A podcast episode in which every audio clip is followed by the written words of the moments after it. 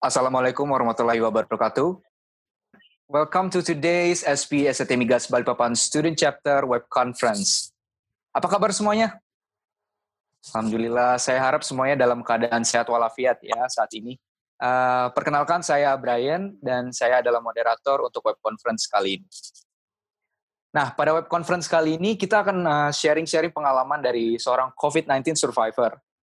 Beliau akan membagikan experience dan recovery journey setelah dinyatakan positif COVID-19 yang kami dari SP harapkan ini dapat mengedukasi teman-teman tentang prevention dan treatment terhadap COVID-19.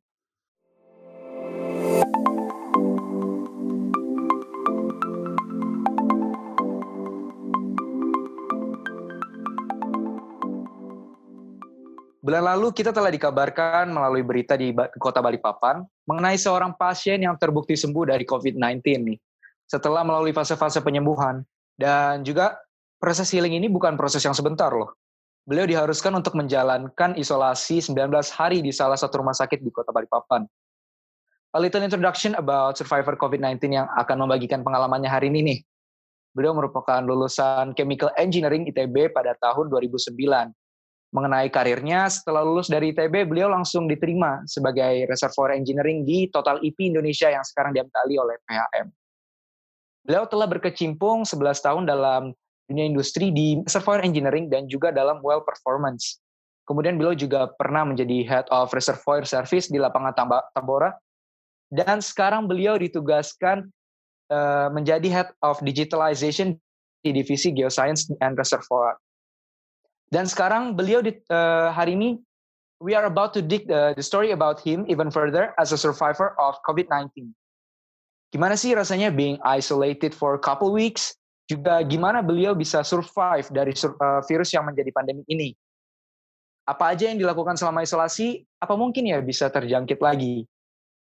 Penasaran? Without further ado, kita sudah terhubung langsung dengan speaker kita hari ini, Mas Jody. Halo Mas Jody, apa kabar? Halo Brian.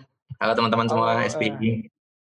Ya, thank you ya Mas Jody for joining us today. Uh, Mas Jody, mungkin Ya. Bisa dimulai sesi ini dengan sharing mengenai survivor COVID-19 experience dari Mas Jody langsung nih. Life story tentang apa yang sudah Mas lewati for couple months ago. Boleh Mas uh, di-sharing ceritanya? Sebelumnya saya ucapkan terima kasih dulu kepada SP uh, Student Chapter Balikpapan sudah mengundang saya ke untuk web memberikan web conference ini. Uh, jadi saya pengen ngucapin Assalamualaikum warahmatullahi wabarakatuh. Selamat sore, selamat siang semuanya teman-teman. Uh, Allahu minna wa minkum. Hmm, mumpung masih suasana lebaran ya, jadi ya uh, selamat Hari Raya Idul Fitri dan semoga amal ibadah kita semua diterima bagi yang menjalankan ibadah puasa kemarin. Oke, ini uh, tadi saya juga ini, ini kita mau dalam bahasanya Brian nama Adinda ini bahasa Inggris atau bahasa Indonesia ini? Untuk bahasanya mungkin boleh bahasa Indonesia, Mas. Oke, siap. Oke. Okay. Uh, kita mulai uh, sebelumnya saya disclaimer dulu. Saya bukan praktisi medis atau tenaga kesehatan, jadi ini benar-benar murni dari pengalaman saya saja dan um, informasi yang saya dapatkan dari dokter yang menerangkan ke saya um, dan juga eh, artikel-artikel yang saya rasa juga sudah cukup valid uh, uh, kebenarannya. Jadi uh, saya ingin cerita kali ini mengenai uh, surviving COVID-19. Oke, okay, ini pakai timeline segala ya. Jadi ini ceritanya lah kronologisnya. Uh, kronologisnya dari awal saya uh, mendapatkan uh, virus ini sampai akhirnya sembuh ya.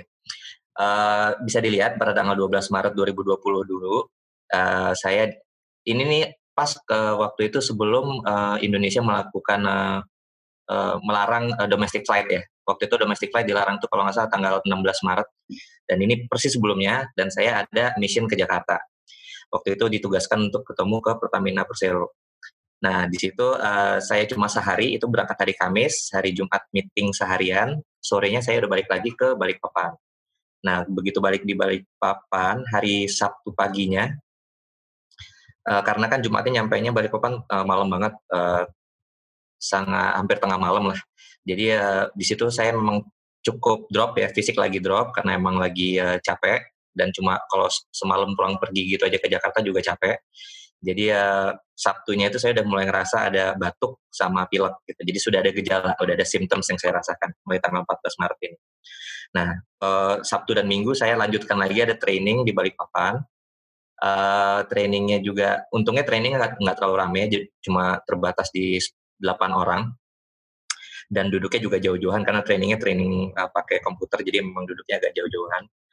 uh, dan batuk pileknya juga nggak sembuh-sembuh uh, nggak sebenarnya rasanya juga persis kayak batuk pilek biasa sih. Jadi saya juga nggak terlalu curiga gitu.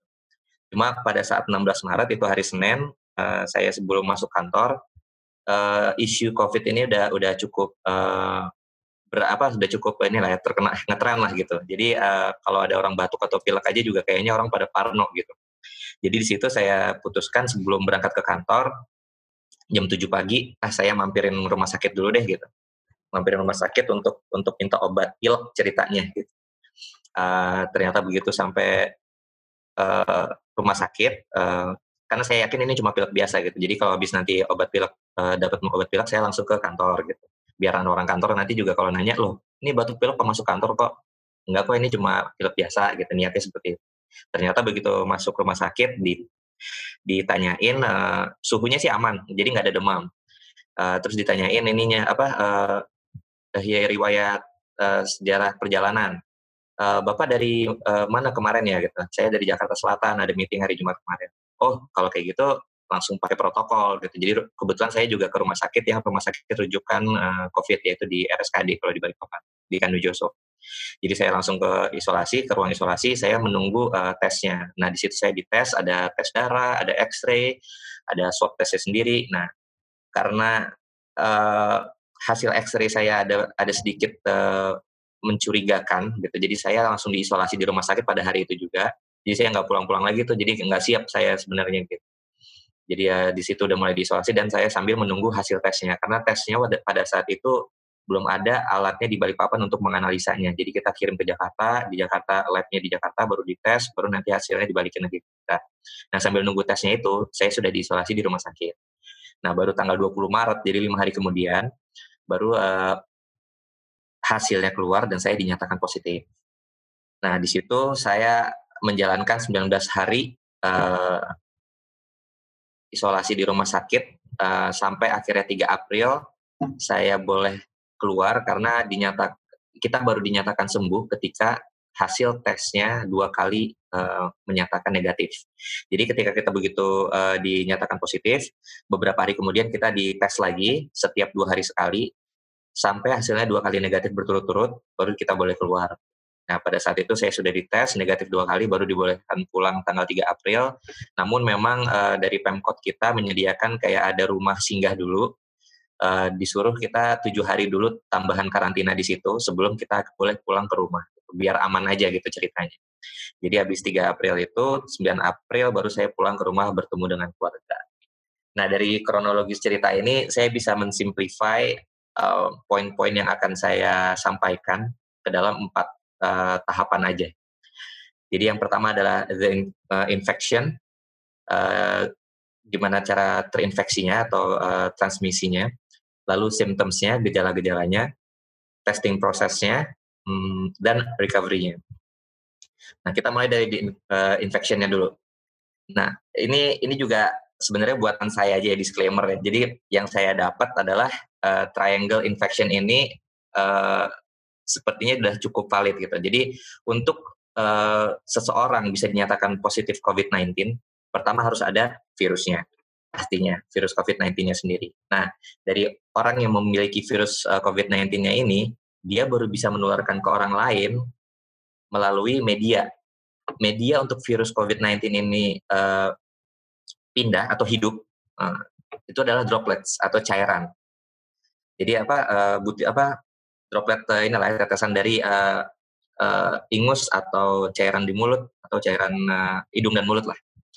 Lalu dari droplet itu kalau nyampe ke orang lain harus ada reseptornya dulu gitu. Jadi uh, reseptornya, jadi kalau misalnya kena droplets doang, tapi kita nggak mas nggak nggak si droplets uh, virus itu tidak masuk ke reseptornya kita, kita juga nggak akan tertular. Nah reseptornya itu apa aja?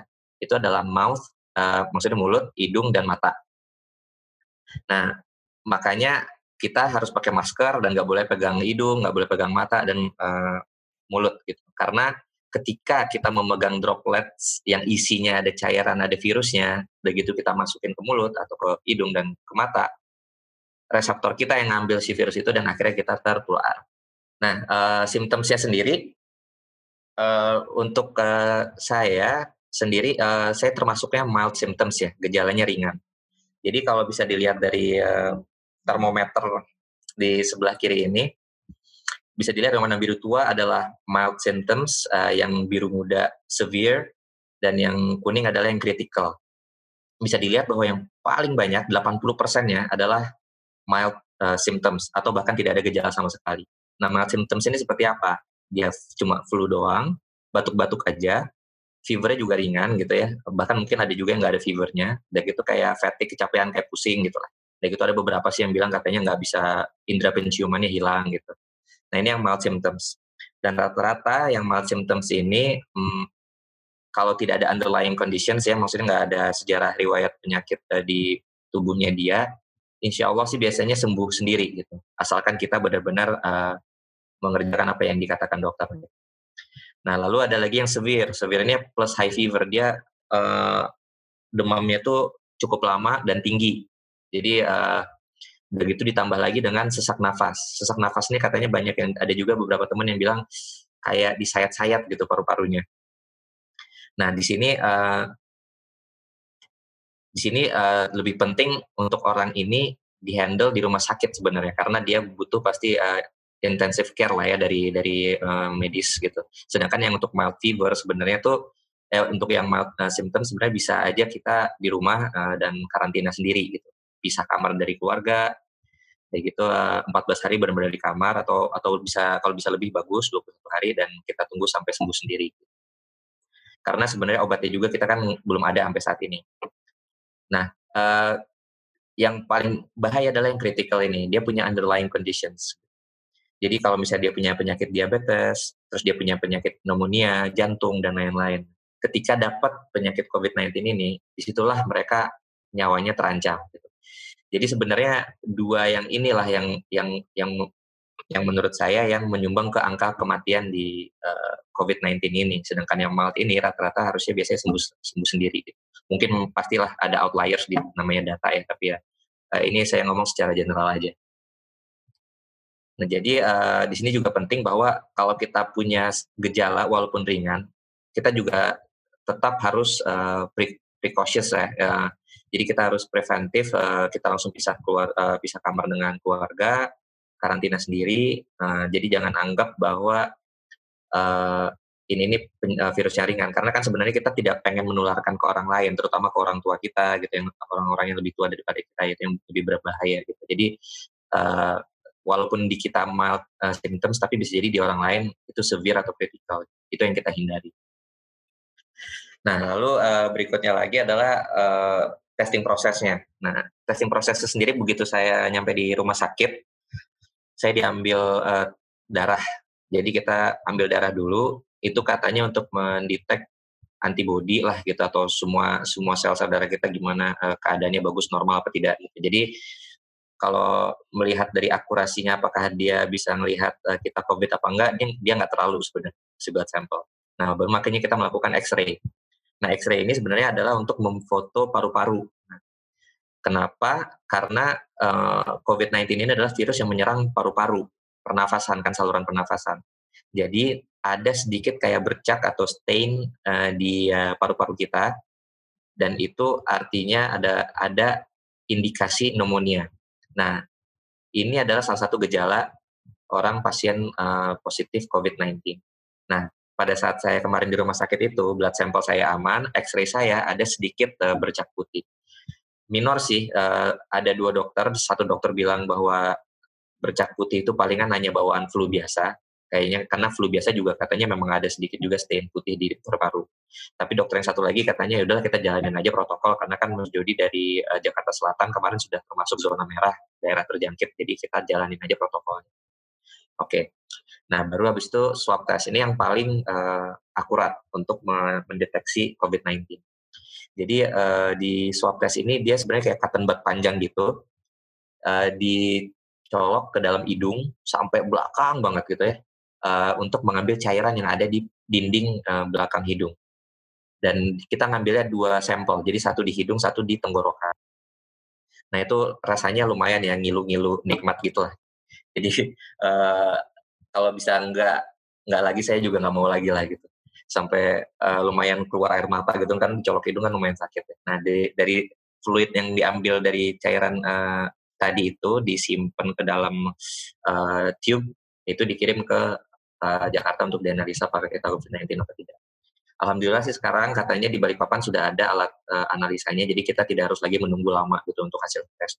Karena sebenarnya salah satu uh, step penting juga untuk uh, menangani COVID-19 ini adalah di tes sebenarnya. Kalau tes prosesnya kelamaan gitu, dan semuanya diisolasi sambil nunggu tes gitu, mungkin uh, rumah sakit kita sendiri juga udah kewalahan gitu, dan tenaga medis kita juga nggak cukup untuk menangani semua pasien yang ada.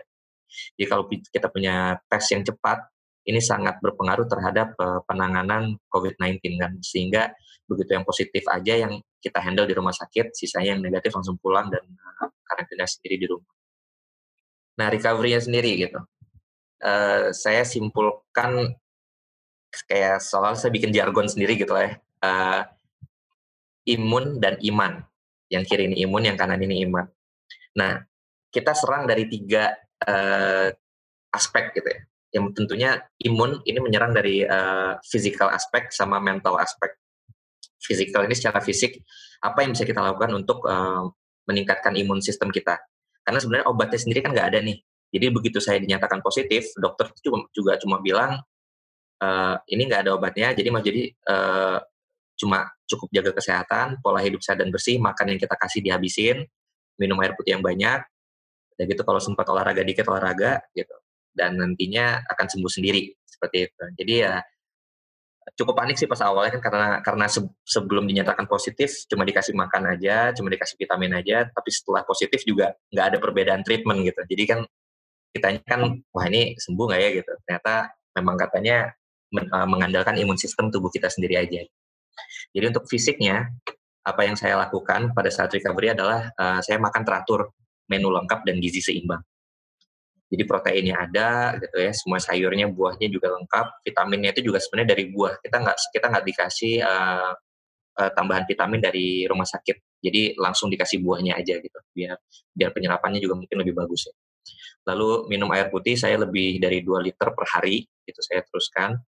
Uh, terus saya coba olahraga ringan, kalau bisa nggak usah yang terlalu berat ya, yang ringan aja, uh, yang low sampai moderate uh, intensity terus uh, sleep uh, ini yang kadang-kadang kita remehkan selalu nih uh, tidur bah padahal sebenarnya recovery atau uh, peningkatan imun sistem kita adalah paling besar efeknya dari tidur gitu. Jadi kalau bisa kita tidur lebih dari 7 jam per hari itu akan sangat baik untuk kesehatan kita. Jadi kurang-kurangin lah bergadang, kita coba mulai hidup teratur sampai tidurnya juga kita perhatikan. Lalu untuk mentalnya sendiri, pikiran kita, gitu. tadi udah fisik, sekarang pikiran kita, apa yang bisa apa yang saya lakukan pada saat itu, saya sih uh, memfilter informasi yang saya dapat. Pada saat itu tuh masih saya kan termasuk angkatan pertama lah gitu yang uh, kena COVID-19 di Balikpapan. Jadi emang baru hits banget semua informasi nggak ada filternya, WhatsApp grup semua dipenuhin dengan orang-orang nge-share informasi yang nggak jelas, sosial media juga penuh banget dengan COVID-19 dan ini menurut saya toxic gitu. ini ini sangat uh, tidak baik untuk pikiran kita. Yang tadi kita malah mau sembuh ngelihat-ngelihat yang seperti itu malah takut panik parno makin imun kita malah makin drop gitu. Jadi kalau bisa kita filter informasi uh, kita lihat dari sumber-sumber yang jelas saja gitu ya. Kayak WHO kan sudah mem, mem, mengeluarkan campaign-campaign yang menurut saya sudah lengkap sebenarnya informasinya. Jadi ya kita nggak usah lagi nambah-nambah uh, eh, PR kerjaan kita sendiri untuk baca-baca informasi yang tidak perlu. Gitu. Lalu kita juga menjalankan hobi atau melakukan apa pun yang membuat kita happy karena uh, kebahagiaan pikiran itu juga melambangkan kebahagiaan fisiknya nantinya. Dan yang gak kalah penting adalah support. Nah, moral support. Jadi moral support ini bisa datang dari keluarga tentunya pasti, teman-teman, sahabat dekat, tapi yang paling penting menurut saya adalah uh, tetangga atau warga sekitar kita yang tinggal di uh, sekitar rumah kita. Nah, ketika awal-awal COVID-19 ini uh, lihat berita kan banyak orang yang belum uh, edukasinya belum lengkap, jadi malah orang yang kena uh, penyakit ini malah dibully lah, uh, di, di mungkin dikucilkan, malah dibully di WhatsApp atau di chat, disuruh keluar dari kompleks gitu-gitu kan saya sering uh, membaca berita seperti itu. Nah ini mungkin sebenarnya karena edukasi yang nggak lengkap aja. Kembali lagi kan tadi ke triangle uh, infection, kalau misalnya orang itu walaupun positif tapi dia di rumah aja, itu juga nggak akan nular ke kita. Jadi kita nggak ngapain harus uh, khawatir gitu loh. Jadi tugasnya kita sebagai tetangga atau warga sekitar adalah mensupport mereka apa yang mereka butuhkan kita penuhin supaya mereka tidak perlu keluar dari rumah. Kalau mereka nggak keluar dari rumah kita juga yang aman. Jadi kalau bisa malah kita setiap hari ya cuma uh, kirimin makanan, kirimin kebutuhan mereka sehari-hari supaya mereka tidak perlu lagi keluar rumah gitu. Nah, uh, kalau misalnya nggak sanggup untuk itu, hmm, cukup dengan kata-kata motivasi atau ucapan lewat WhatsApp itu sangat berharga juga. Karena saya ngebacain uh, chat-chat dari teman-teman, chatnya pun juga bukan hanya yang doain sembuh doang ya, tapi ada yang ngajak bercanda doang gitu ya, uh, ngajak-ngajak ketawa, itu tuh sangat uh, baik banget buat pikiran kita yang sangat uh, suntuk banget di uh, isolasi. Jadi ruang isolasi itu benar-benar kita tidak bisa melihat keluar karena jendelanya juga kan ketutup ya kita nggak bisa melihat keluar. Jadi benar-benar kayak di inilah di terisolated gitu. Jadi semua kata-kata motivasi, canda tawa dari teman-teman tuh sangat uh, membantu kita untuk uh, bisa happy di dalam gitu, dan bisa semangat untuk uh, melawan virus ini. Lalu kalau imun sudah kita lakukan, ini ibarat katanya nih ikhtiarnya lah gitu baru kita tawakal imannya. Nah ini adalah aspek spiritualnya. Nah di situ kita ngapain? Kita ya doa lah, infak sedekah, baca Quran kalau bagi yang Islam. Pokoknya berserah diri kepada Allah karena yang memberikan kita penyakit ini adalah Allah, yang bisa menyembuhkan juga tentunya Allah. Dan Allah tidak akan memberikan cobaan kepada hambanya yang melampaui uh, batasan kemampuan hambanya sendiri. Jadi percaya bahwa kita bisa sembuh, dan berserah diri kepada Allah kitanya. Nah, uh, dengan uh, situasi COVID-19 yang saya rasa untuk ke depannya tidak akan cepat uh, hilang ya. Uh, tentunya kita pasti berdoa pengennya cepat berlalu. Tapi ini sepertinya akan menjadi uh, new normal buat kita. Uh, kita harus bisa hidup uh, damai lah dengan uh, COVID, uh, virus COVID-19 ini. Karena memang kita mesti mengakui bahwa keterbatasan di Indonesia sendiri adalah total lockdown itu kita nggak bisa gitu. Uh, pemerintah kita juga nggak mungkin nggak ada dananya untuk uh, membayar semua orang kebutuhan orang setiap hari selama dua atau tiga minggu di rumah aja gitu. Uh, di Wuhan di China itu bisa terjadi karena memang pemerintahannya memprovide itu. Tapi kalau di Indonesia saya rasa nggak bisa karena banyak dari kita yang hidup dari penghasilan atau pendapatan harian yang mereka memang harus keluar untuk mencari uang untuk makan hari itu juga gitu. Dan ini makanya di Indonesia tidak bisa untuk total lockdown. Ekonomi kita nanti bakal stop uh, malahan angka kriminalitas kita makan makin tinggi gitu banyak orang yang pengangguran gitu. Jadi uh, dan dengan uh, dengan kita mem, me, me, kemarin ini kita ada campaign di rumah aja itu sudah cukup uh, membuat grafiknya sedikit uh, melandai. Namun tidak menghentikan memang. Jadi apa yang bisa kita lakukan adalah uh, kita harus hidup uh, menyesuaikan diri dengan uh, keadaan sekarang gitu kita tidak bisa mengatur orang lain tapi kita bisa mengatur diri kita sendiri jadi apa yang kita bisa lakukan adalah kita kontrol diri sendiri melakukan semua anjuran pemerintah saat ini kita kampanye dari pemerintah adalah kan pakai masker. Uh, pakai masker ini adalah untuk uh, mencegah kalau kita ngomong atau kita bersin cairannya keluar uh, dan untuk mencegah juga kalau misalnya kita nggak sengaja kepegang mau uh, garuk hidung atau garuk mulut ada masker jadi tangan kita nggak nggak langsung kena hidung kena masker gitu. Nah selain itu juga uh, kalau ada orang bersin juga nggak langsung masuk ke mata atau hidung atau mulut kita. Lalu kita social distancing atau physical distancing. Ini kita kalau bisa jaga jarak 2 meter sama orang. Karena kalau dari uh, statistik kan uh, bilang kalau kita bersin cairannya itu bisa sampai 2 meter uh, ke depan gitu atau ke mana-mana. Gitu. Jadi kalau misalnya kita jaga jarak 2 meter, insya Allah kita aman. Mungkin ini yang uh, yang kita harus uh, kasih pengertian juga ke uh, masyarakat gitu. Karena mungkin mereka pikir kan apa sih physical distancing nggak jelas? gitu. Padahal kan sebenarnya itu gitu. Cairannya bersihnya itu benar-benar bisa sampai satu meter setengah bahkan gitu, sampai dua meter. Lalu uh, jangan lupa selalu cuci tangan. Hand sanitizer boleh tapi lebih baik cuci tangan. Nah cuci tangan ini apa? Karena sebelum kita memegang muka kita kalau udah yakin kita cuci tangan dengan bersih artinya virusnya sudah tidak ada di tangan nggak ada yang akan virus yang masuk kena ke reseptor kita dan kita tidak akan tertular Lalu yang terakhir adalah kita limit uh, keluar rumah. Jadi kalau bisa kita di rumah aja, uh, ya kita di rumah aja gitu. Jadi kita keluar kalau perlu aja. Kalau misalnya emang untuk kerja aja atau untuk uh, belanja aja. Kalau bisa belanja kan sekarang udah banyak online, kita online aja. Jadi kalau bisa kita limit uh, perjalanan kita keluar dan tempat-tempat publik yang kita kunjungi juga kita limit. Jadi kita keluar hanya ke satu tempat, bisa balik lagi itu akan lebih terkontrol buat kita sendiri. Kita tahu kita habis dari mana dan di situ kita pegang apa aja kita masih ingat. Gitu. Nah, uh, saya mungkin uh, tutup dengan salah satu quote dari Charles Darwin. Di sini kan dia bilang uh, spesies yang akan survive itu bukan yang strongest, bukan yang paling kuat, atau bukan yang paling pinter, tetapi yang paling gampang beradaptasi terhadap perubahan.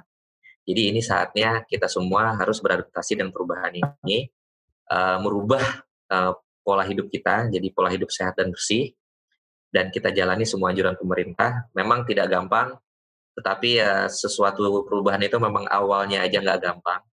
Tapi setelah itu kalau kita sudah terbiasa itu akan menjadi lebih mudah baik mungkin terima kasih eh, mungkin yang bisa saya share. Semoga bermanfaat buat teman-teman sekalian. Saya serahkan kembali ke Mas Brian. Oke Mas uh, cerita yang mengagumkan karena nggak semua orang ya pernah mengalami COVID-19 ini dan Mas menjadi salah satunya menjadi survivor untuk COVID-19 ini dan Mas berhasil bertahan dari virus ini. Dan sesuai dari presentasi Mas tadi, yang perlu kita simpulkan itu bahwa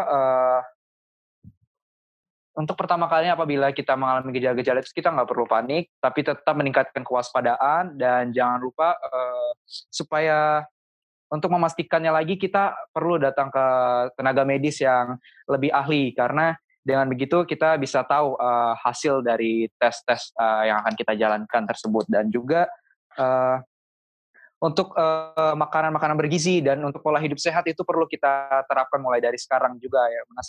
Da, karena uh, sebagaimana kita tahu untuk orang-orang saat ini juga mereka kurang adanya uh, memperhatikan uh, pola hidup mereka untuk saat ini. Uh, jadi kita harus lebih memperhatikan lagi bagaimana pola makan kita, juga kita harus olahraga teratur untuk meningkatkan imun imun, imun tubuh kita dan juga tidur yang cukup, tidur lebih dari 7 jam dan jangan lupa uh, untuk filter informasi sebelum kita mendapatkan uh, informasi-informasi mungkin dari grup WA atau mungkin dari grup lain dan sebagainya itu harus kita filter terlebih dahulu. Jangan mudah terpancing dengan uh, informasi-informasi yang tidak benar seperti itu. Dan juga pemerintah sudah mengeluarkan anjuran dan kita perlu mentaati anjuran-anjuran tersebut karena uh, sebagaimana kita tahu pemerintah sudah memikirkan apa yang baik untuk uh, masyarakatnya sendiri seperti itu jadi kita sebagai masyarakat Indonesia perlu tenang dan tidak perlu was-was dan juga uh, bukan berarti kita harus mengabaikan peraturan-peraturan yang telah diberikan oleh pemerintah itu. Melainkan kita harus menjalankannya sesuai dengan protokol yang ada. Seperti itu ya Mas ya. Oke. Ini saatnya untuk, untuk uh, Q&A session. Mungkin untuk teman-teman yang ada di live uh, live stream kita di YouTube saat ini boleh untuk mempersiapkan uh, pertanyaannya. Nah, kalian boleh bertanya di live chat sekarang. Oke nih Mas, uh, ada pertanyaan dari Adinda Tiffany Lianita. Untuk pertanyaan pertama nih Mas, menurut Mas, hmm.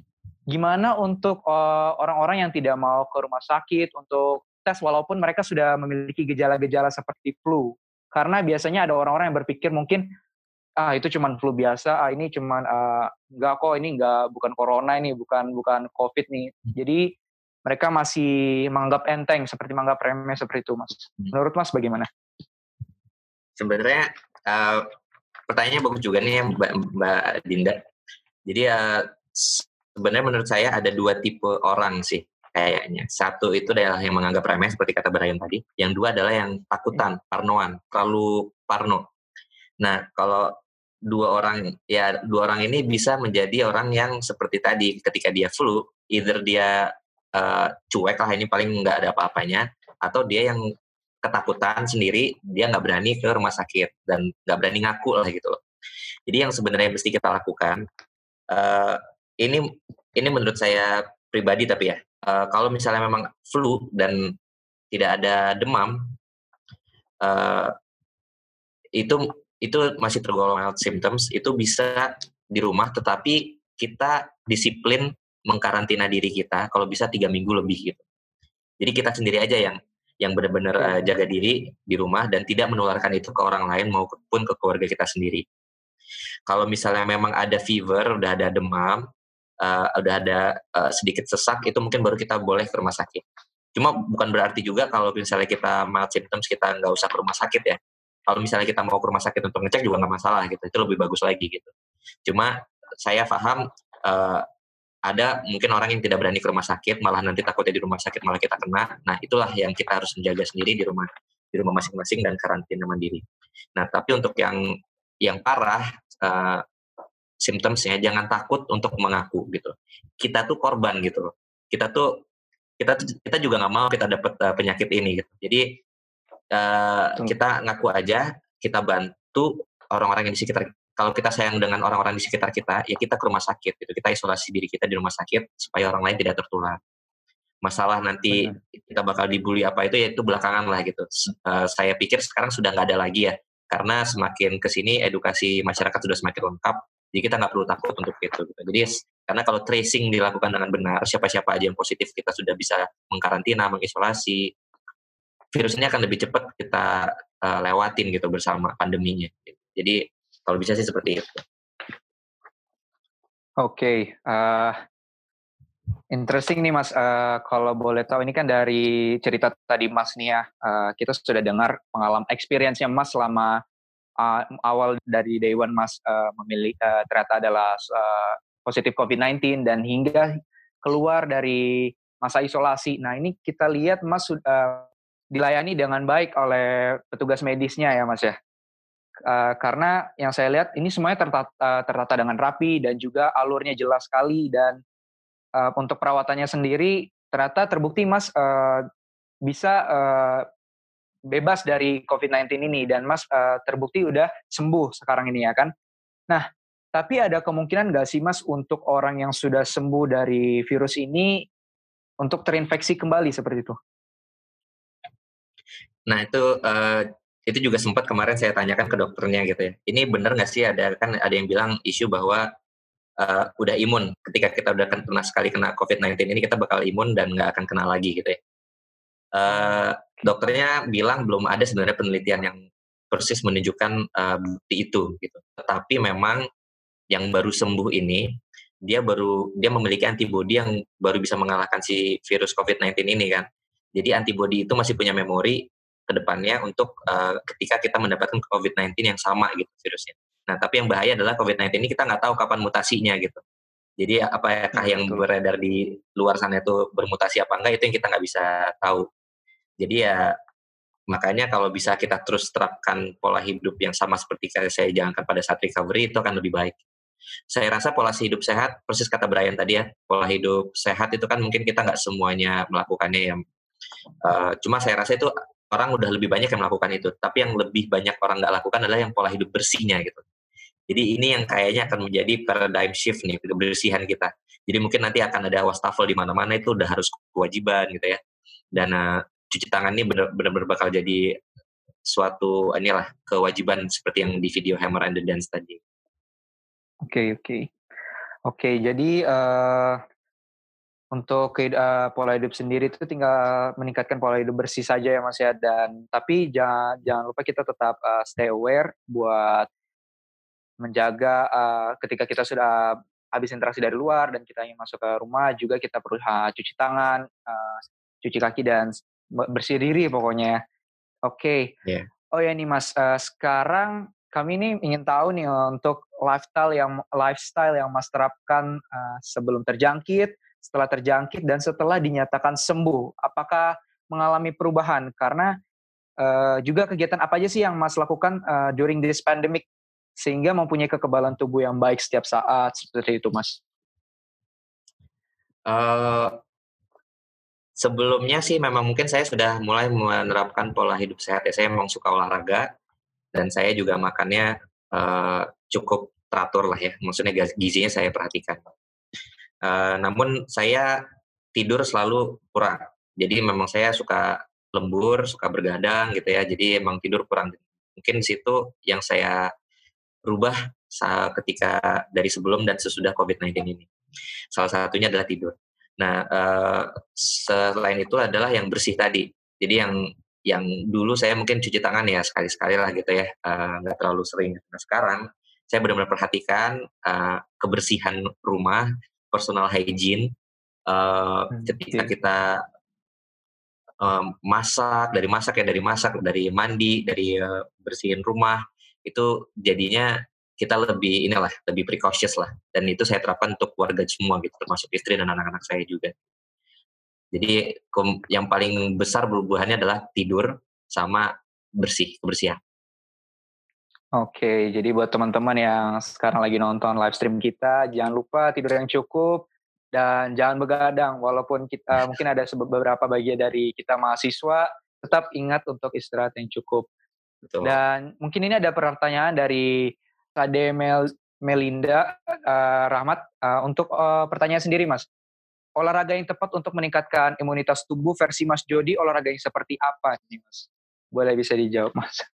Uh, kebetulan semenjak saya dulunya sih sukanya uh, nge-gym. Nah tapi kan sekarang pastinya nggak nge-gym, gym udah nggak ada yang buka lagi nih.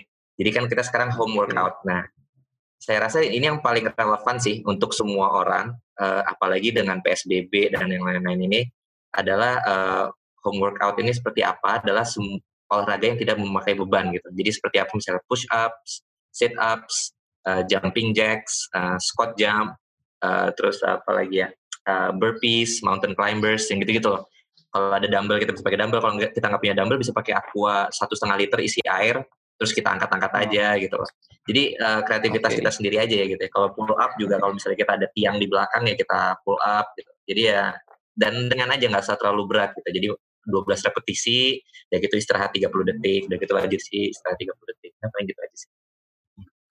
Oke, okay, Kalau jadi perempuan mungkin bisa yoga kan, yoga juga bagus kan. Yoga, oke. Okay.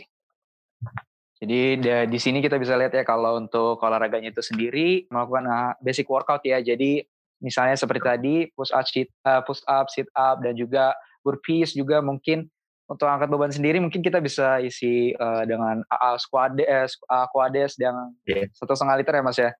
Nah di situ mungkin kita yeah. bisa dituntut untuk menjadi lebih kreatif lagi ya. Mm. Oke, okay. untuk pertanyaan selanjutnya mungkin dari Rizky Pratama nih. Mas mau nanya, bagaimana sih Mas ke keadaan keluar tahu kalau Mas Jody ternyata tiba-tiba harus diisolasi di rumah sakit? Dan gimana tindakan yang diambil keluarga pada saat itu? Nah ini pertanyaan bagus tadi juga saya di di presentasi saya juga saya lupa menceritakan sisi sedih dan drama sinetron dari keluarga ini ya. Oke. Okay. Jadi ya begitu dinyatakan positif, memang pertama kali itu kita pasti uh, down lah dari kita sendiri ya, kita shock pasti, kita kaget, kita langsung kita butuh waktu untuk menyerap uh, informasi ini gitu.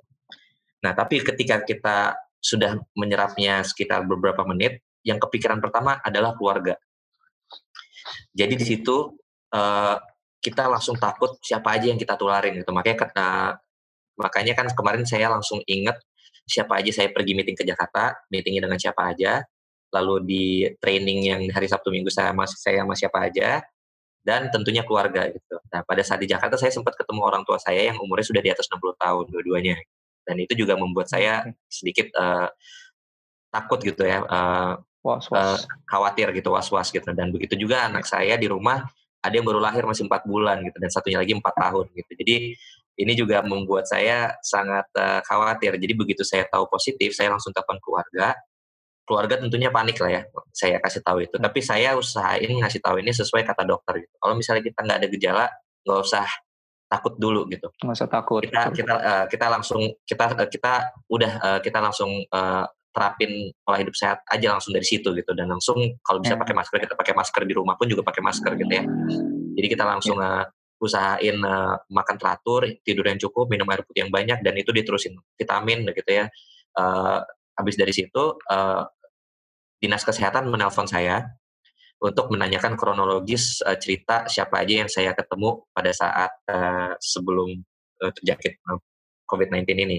Jadi saya ceritain orangnya ini aja, semuanya orangnya dan kontak nomor saya kasih ke dinas kesehatan. Dan uh, alhamdulillah dinas kesehatan kita di Balikpapan juga uh, sigap ya. Jadi mereka langsung nelponin semuanya satu persatu dan semuanya ditanyain gejalanya apa, disuruh pisah kamar dari keluarga dan semuanya di swab test uh, di rumah sakit uh, uh, RSPB waktu itu. Jadi dan uh, setelah semuanya di swab test hasilnya keluar seminggu setelah itu alhamdulillah negatif semua. Nah ini juga membuktikan bahwa uh, ya virus tadi itu juga nggak akan terlalu gampang menular kalau kita menjaganya gitu loh. Jadi mungkin teman-teman yang sekitar saya mungkin tadinya memang selalu pakai apa selalu cuci tangan gitu dan saya sendiri juga saya kalau bersin atau batuk saya selalu tutup gitu. Tutup pakai sikut atau saya pakai masker gitu. Jadi memang saya berusaha juga tidak menularkan ke orang lain gitu. Berarti berarti uh, tindakan preventif preventif yang anjuran pemerintah ini memang benar-benar berhasil gitu untuk tidak uh, menularkan ini ke orang yang lebih banyak. Nah, jadi begitu semua keluarga sudah dinyatakan negatif, teman-teman dan uh, uh, par, uh, apa, uh, partisipan uh, trainingnya juga negatif, baru saya bisa tenang dan fokus ke penyembuhan diri, diri saya sendiri. Dan itu akan lebih bagus untuk kita juga untuk fokus uh, penyembuhan. Oke. Okay. Uh, ada yang bertanya lagi, Mas. Uh, salah satu partisipan ada yang bertanya ini atas nama uh, Muhammad Andika Waris. Maaf Mas, uh, mau mau bertanya ini, apakah rapid test corona yang saat ini pemerintah lakukan uh, itu sudah efektif dan akurat? Uh, tetap harus melakukan swab test sih. Jadi ya saya juga pada saat sebelum keluar, saya itu di nunggu swab test yang kedua itu sangat lama. Itu tuh sampai 11 sampai 12 hari. Jadi jadi yang pertama hasil tesnya keluar lima hari, tapi begitu yang udah yang kedua yang pas negatifnya itu itu hasil tesnya keluar 12 hari. Artinya saya sebenarnya udah negatif dari 12 hari yang lalu, tapi saya baru keluar dari rumah sakitnya hari ini gitu loh. Di sini kan backlog oh, okay. tes itu sangat sangat jauh gitu ya. Jadi uh, uh, karena dari itu rapid test juga uh, dijalanin sama uh, rumah sakit di Balikpapan juga. Nah, jadi pada saat saya sambil nunggu hasil tes yang kedua itu, saya juga diambil rapid test dan dibilang bahwa saya negatif. Sebenarnya rapid test itu katanya cuma mendeteksi apakah kita antibodi kita ada apa enggak. Karena ya, kan kalau imun. kita antibodi tidak ada, uh, imun kita itu uh, kalau kita nggak ada, baru kemungkinan memang bisa jadi kita COVID-19 tertular gitu. Kalau misalnya ada, kita cenderung lebih aman. Tapi tetap uh, untuk mengkonfirmasinya kita tetap harus uh, swab test. Oke. Okay. Ya sesuai dengan presentasi presentasi tadi Mas ya. Padahal Mas sudah apa namanya cek uh, untuk antibodinya Mas dan itu ternyata fine fine aja dan sekalinya pada ya. saat untuk X-ray-nya ternyata hmm. bercap uh, bercap putih itu. Dan dari situ mungkin ya. kita bisa tahu kalau uh, rapid test itu hanya mengecek imun tubuh dan perlu kalau misalnya kita ada uh, simptom-simptom yang lebih uh, mirip dengan uh, gejala COVID-19, mungkin kita bisa lebih untuk mengambil swab test dan X-ray seperti itu. Hmm. Oke, okay. uh, ada pertanyaan lagi nih Mas dari salah satu partisipan kita uh, atas nama Arif Asrofi. Mas mau nanya nih, seberapa rugi sih industri di Indonesia, terutama industri minyak karena kehadiran COVID-19 ini sedikit gusar sama masa depan nih? Hehehe. Mungkin boleh ditanggapi nih Mas. Uh, betul, uh, ini juga sangat impact ya, sangat-sangat berimpact sekali. Apalagi ini kita di oil and gas ya terutama kita ada belum ada oil price war ya, ada perang uh, harga minyak dunia ini juga kan antara Rusia dan Arab Saudi itu. Betul. Jadi ya ditambah lagi dengan ada pandemi ini. Jadi ini kayak double hit lah gitu. Jadi ya, ya. oil price kita sekarang udah setengahnya, sekarang di 30 dolaran gitu ya. Jadi pastinya impact banget gitu. Jadi uh, yang paling gampang, bukan paling gampang, paling pertama kita lakukan sebagai oil and gas company adalah menurunkan operational expense. Jadi OPEX pasti kita turun. OPEX itu dari mana aja sih? OPEX itu kan pasti dari pekerjaan-pekerjaan uh, migasnya sendiri gitu seperti misalnya well intervention gitu perforasi ataupun apa pun ya uh, itu pasti kita kurangin. Nah kalau itu kita kurangin artinya unit unit untuk mengerjakan well intervention juga berkurang. Kalau unitnya berkurang itu juga impact ke uh, orang yang bekerjanya juga berkurang gitu. Jadi ini sangat uh, ini ya domino effect menurut saya gitu. Jadi dan apa yang bisa kita lakukan? Tapi memang kalau gas kita tidak bisa pungkiri juga kita masih membutuhkan gitu. Jadi uh, saya waktu itu ikut juga seminar webinar uh, tentang new normal ya di uh, di keadaan seperti sekarang untuk oil and gas itu seperti apa gitu. Apa yang bisa kita lakukan sebagai uh, engineer atau atau orangnya gitu ya, praktisinya. Yang bisa kita lakukan adalah tetap uh, belajar self development kita sendiri dan kita fokus uh, sekarang untuk kalau bisa uh, mulai melihat ke digitalisasi karena uh, nantinya uh, ketika kita harus menurunkan opex, kerjaan yang paling bagus itu adalah kerjaan yang efisien kan pastinya. Nah, bagaimana melakukan kerjaan yang efisien itu adalah kita mengangkat banyak bisnis proses, mengangkat banyak uh, administrasi. Nah, dan itu kita semua lakukan dengan otomatisasi gitu atau digitalisasi. Itulah yang dilakukan dengan uh, pemerintahan kita pada saat era Jokowi gitu ya.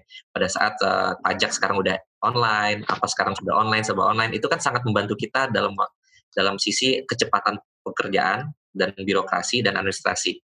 Nah, jadi kalau kita bisa membekalkan diri kita dengan ilmu-ilmu ini, itu sangat baik buat kita sebenarnya.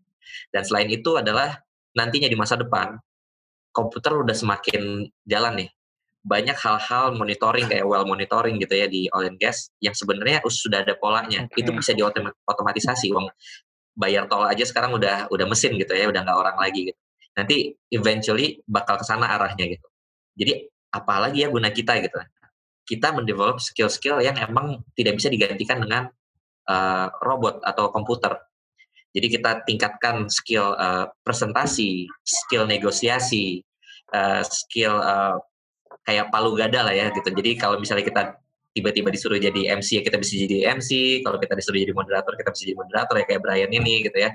Ini ini sebenarnya kita mungkin anggap uh, hal sepele padahal itu enggak gitu. Nanti pada saat kita kerja di perusahaan itu sangat berguna sekali gitu. Itu namanya soft skill gitu. Jadi kita sekarang arahnya tingkatin soft skill juga gitu uh, ke depannya dan engineer-engineer yang seperti itu yang nantinya akan kepake kayaknya di masa depan uh, dan strategic uh, strategical thinking gitu ya. Jadi kita berpikir secara strategis dan helikopter view dari global view. Jadi nggak terlalu mikro lagi, tapi kita ngelihatnya secara helikopter view. Dan uh, mungkin ini bekal-bekal yang harus kita siapkan untuk diri kita ketika nanti uh, pandemi udah berlalu, PSBB udah nggak ada, oil and gas uh, udah bounce back, kita akan bisa masuk dengan uh, comeback stronger lah gitu ceritanya. Oke, okay. oke okay, jadi uh, jadi selama selama kita bisa uh, selama kita mau niat untuk belajar dan self development uh, percaya aja pokoknya kita pasti bakal fine fine aja seperti itu ya. Dan mungkin untuk ada pertanyaan lagi nih dari salah satu partisipan kita nih Mas hmm. atas nama uh, Zulmi Ramadana dan halo Mas Jody, semoga sehat selalu. Mau tanya Mas nih Mas, uh, waktu pas kena COVID kemarin apakah ada biaya pribadi yang keluar seandainya untuk orang yang tidak punya asuransi dan harus ditangani medis, bagaimana ya biayanya? Nah ini agak ini agak uh, uh, banyak yang nggak tahu mungkin ya mamangnya. Tapi ini tidak ada biaya yang kita keluarkan. Jadi asalkan kita ke rumah sakit rujukan COVID, itu harusnya tidak ada biaya tambahan yang kita keluarkan. Terutama sih biasanya dari yang jelas ada kontak uh, ada kontak langsung dengan pasien positif. Jadi kalau kita ke sana, kita lapor bahwa kita ada kontak langsung dengan pasien positif, kita akan dites dan uh, begitu positif uh, dari tes dan sampai habisnya itu kita udah nggak bayar sama sekali. Cuma kalau memang kita datang secara sukarela untuk tes, padahal kita tidak tahu kita dari riwayat kontak langsung dengan uh, pasien positif, itu kemungkinan bisa jadi tesnya di, di charge ke kita pribadi. Tapi mungkin kalau sudah positif, udah ternyata hasil tesnya positif, bisa jadi itu di reimburse gitu ya, asalkan itu di rumah sakit uh, rujukan. Jadi ya jangan lupa kita kalau misalnya memang harus ke rumah sakit, ke rumah sakit rujukan COVID-19. Jangan jangan rumah sakit yang swasta yang tidak yang bukan rujukan. Oke. Okay. Oke, okay, uh, eh, ini ada pertanyaan lagi dari partisipan kita nih Mas uh, atas nama Dina Tiffany lagi. Mas mau tanya lagi nih, kalau new normal kira-kira kesempatan untuk internship atau termasuk KP nih Mas, bisa dibuka lagi nggak ya itu Mas? Uh, kayaknya sih buka lagi ya. Eh, kayak, kayak sih itu selalu buka sih ya, uh, Mbak Dinda. Selalu buka uh, ya. Mungkin jumlahnya dikurangin, palingan seperti itu. Cuma sih harusnya sih mas, masih ada, karena itu kan termasuk juga ke program trainingnya kita ada juga termasuk ke, ke CSR juga gitu. Jadi uh, itu itu sih nggak ada hubungannya dengan uh, apa namanya employment lah gitu. Cuma jadi harusnya sih masih ada. Dan mungkin nanti yang ke depannya lagi juga kayaknya lebih uh, bagus juga masa depannya itu renewable energy juga sih. Jadi kalau misalnya emang ada studi-studi atau seminar-seminar tentang renewables kita mungkin bisa coba ikutan mulai belajar itu juga gitu walaupun memang di Indonesia masih itu long term lah ya gitu ya. Tapi ya apa salahnya sih kita melihat masa depan gitu ya. Karena kan kalau saya mungkin udah agak tua gitu kan, tapi teman-teman di sini kan saya lihat masih muda-muda semua. Bright future ahead lah. Future is yeah. bright, but different. Oke, okay. uh, oke okay, itu udah beberapa dari pertanyaan partisipan. Mungkin ada teman-teman yang mau bertanya lagi, boleh komen di live chat uh, streaming kita uh, di channel SPS Migas SC boleh langsung tanya-tanya aja di chat uh, live chat kita, oke? Okay? Oke, okay, ada masuk lagi nih Mas uh, atas nama Iksan Akam. Apakah swab test mendeteksi khusus adanya SARS-CoV-2 aja, Mas? Iya, kayaknya sih iya ya. Saya juga nggak terlalu tahu, tapi sepertinya iya sih. Oke. Okay. Hmm. Karena karena tadi tadi lagi ya reseptornya itu kan di di reseptornya itu ada di uh, pangkal hidung dan tenggorokan kan di saluran pernafasan. Makanya tadi diambilnya hmm. cairan dari saluran pernafasan tersebut karena virus itu bisa hidupnya di situ gitu. Jadi jadi uh, kayaknya sih straightforward ya kalau ngelihat itunya. Cuma memang prosedurnya agak susah katanya di labnya harus harus sangat apa namanya steril dan nggak boleh cara penanganan itunya tuh jangan sampai terkontaminasi gitu. Itunya emang agak susah. Tapi kayaknya emang hanya untuk uh, melihat COVID-19 aja ya. Lagi-lagi disclaimer ini ini menurut saya. Oke. Okay. Uh, ini ada pertanyaan nih Mas uh, dari saya sendiri. Nah, sebagai seorang yang seorang yang pernah terjangkit dan dinyatakan pulih, sekarang ini mungkin banyak uh, sekarang ini mungkin banyak sekali ya kekacauan ekonomi dan penegakan aturan yang masih longgar. Mungkin Mas bisa berikan opini mengenai bagaimana menurut menurut Mas tentang perilaku citizen terutama di Indonesia ini dalam menghadapi COVID-19 ini nih. Mungkin boleh beri tanggapannya nih Mas.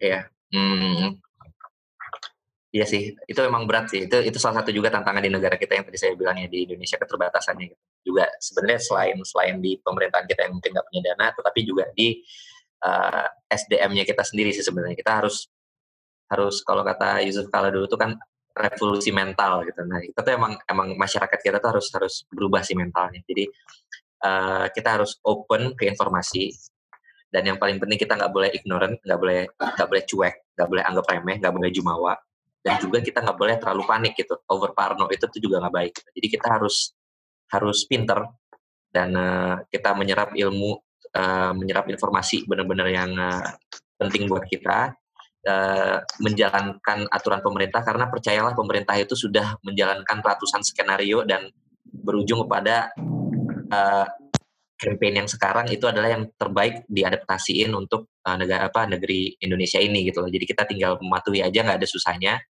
Dan uh, lagi sih yang menurut saya juga paling penting adalah kita kontrol diri sendiri sih.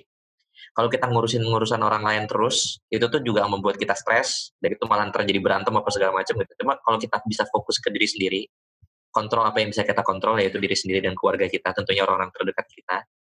Kita mulai dari situ dulu aja kalau itu kita sudah mulai, uh, insya Allah itu akan nyebar, nyebar, nyebar dan lama-lama semuanya akan uh, melakukan hal yang sama. Semoga sih seperti itu ya. Saya harap dan saya doakan seperti itu.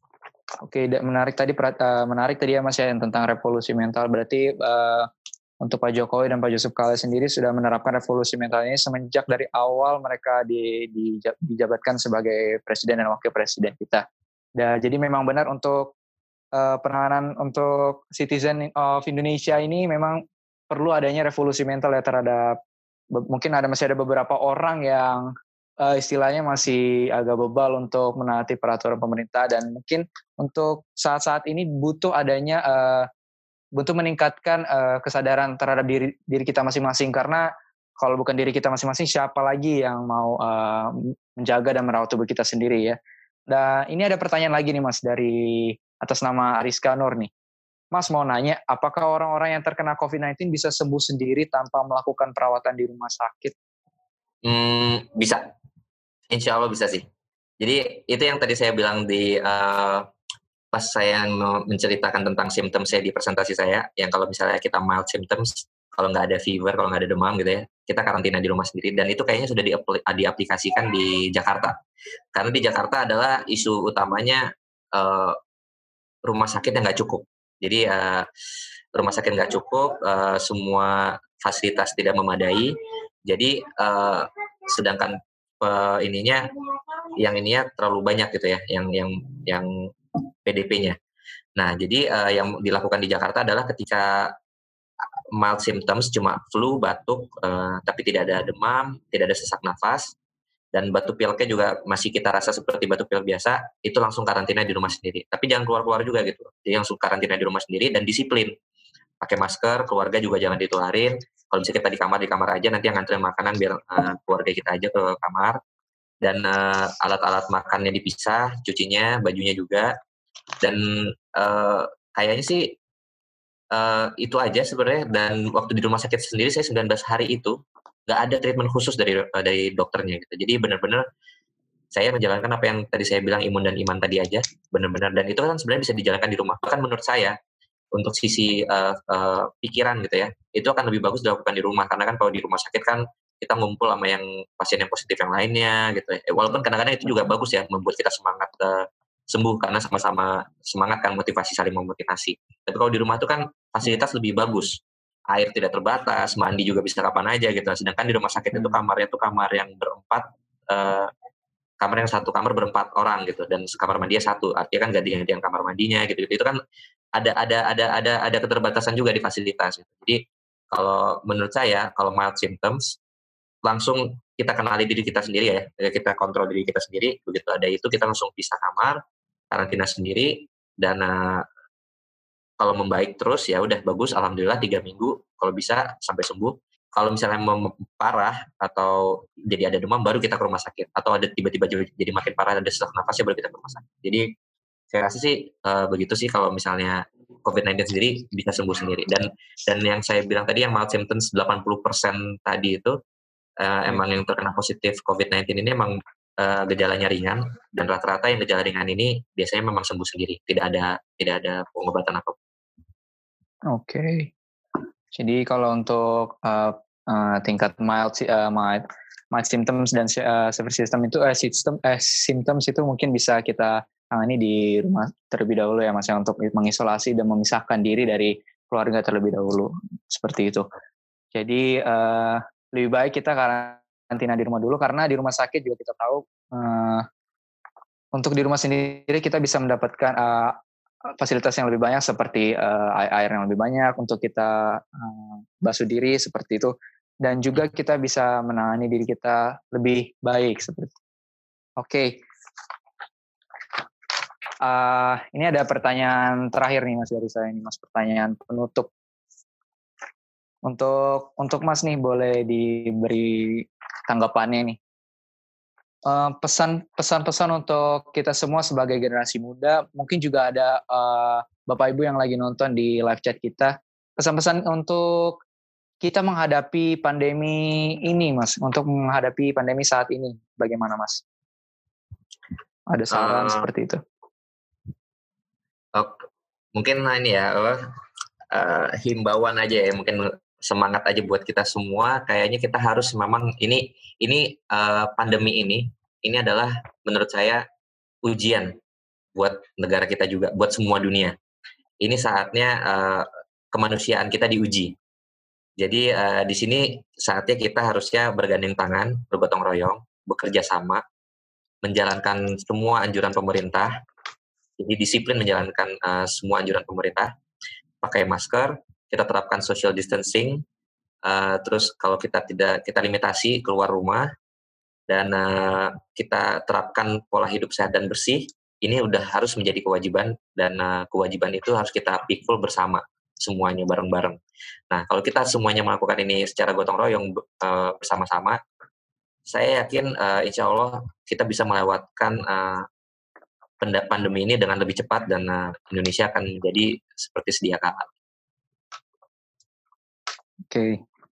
uh, thank thank you uh, thank you Mas Yudi untuk uh, sarannya buat kita semua yang ada di sini. Jadi uh, jangan lupa teman-teman uh, semua uh, kita sudah saatnya untuk bergandengan tangan dalam menghadapi masa-masa pandemi seperti ini karena aksi soliter untuk saat ini merupakan tindakan solider buat uh, saat ini juga gitu. Jadi uh, lebih baik uh, kita melakukan apa yang sudah pemerintah berikan berbagai macam kebijakan dan juga protokol itu kita harus taati karena bukan untuk kita sendiri tapi untuk uh, keluarga kita juga teman-teman kita yang di luar sana. Karena kalau bukan dimulai dari kita maka ini semua nggak akan berlalu dengan cepat seperti itu. Karena harapannya kita ke depannya semoga untuk pandemi ini bisa berlalu dengan cepat kan. Supaya kita bisa beraktivitas kembali lagi dengan normal, bisa bertemu teman dan juga uh, beraktivitas di luar tanpa perlu khawatir bahwa oh ada virus mematikan gue nggak boleh keluar nih. Jadi kita bisa enjoy untuk aktivitas kita di luar dan juga bisa melakukan eh, hal-hal uh, yang udah kita pospon di lalu-lalu seperti itu. Oke, okay. Gak terasa nih Mas, kita sudah tiba di penghujung acara nih. Terima kasih kepada Mas Jody yang udah mau bersedia untuk sharing-sharing cerita-cerita uh, bersama kita uh, dan Sama-sama. untuk hadir di sini. Terima kasih Mas dan juga terima kasih kepada semuanya yang mau menyempatkan uh, untuk mengikuti seminar ini nih. Semoga web web conference kali ini bisa membawa manfaat untuk kita semua. Amin. Amin. Dan saya Brian. Uh, untuk ini saya menutup conference hari ini. Uh, wassalamualaikum warahmatullahi wabarakatuh.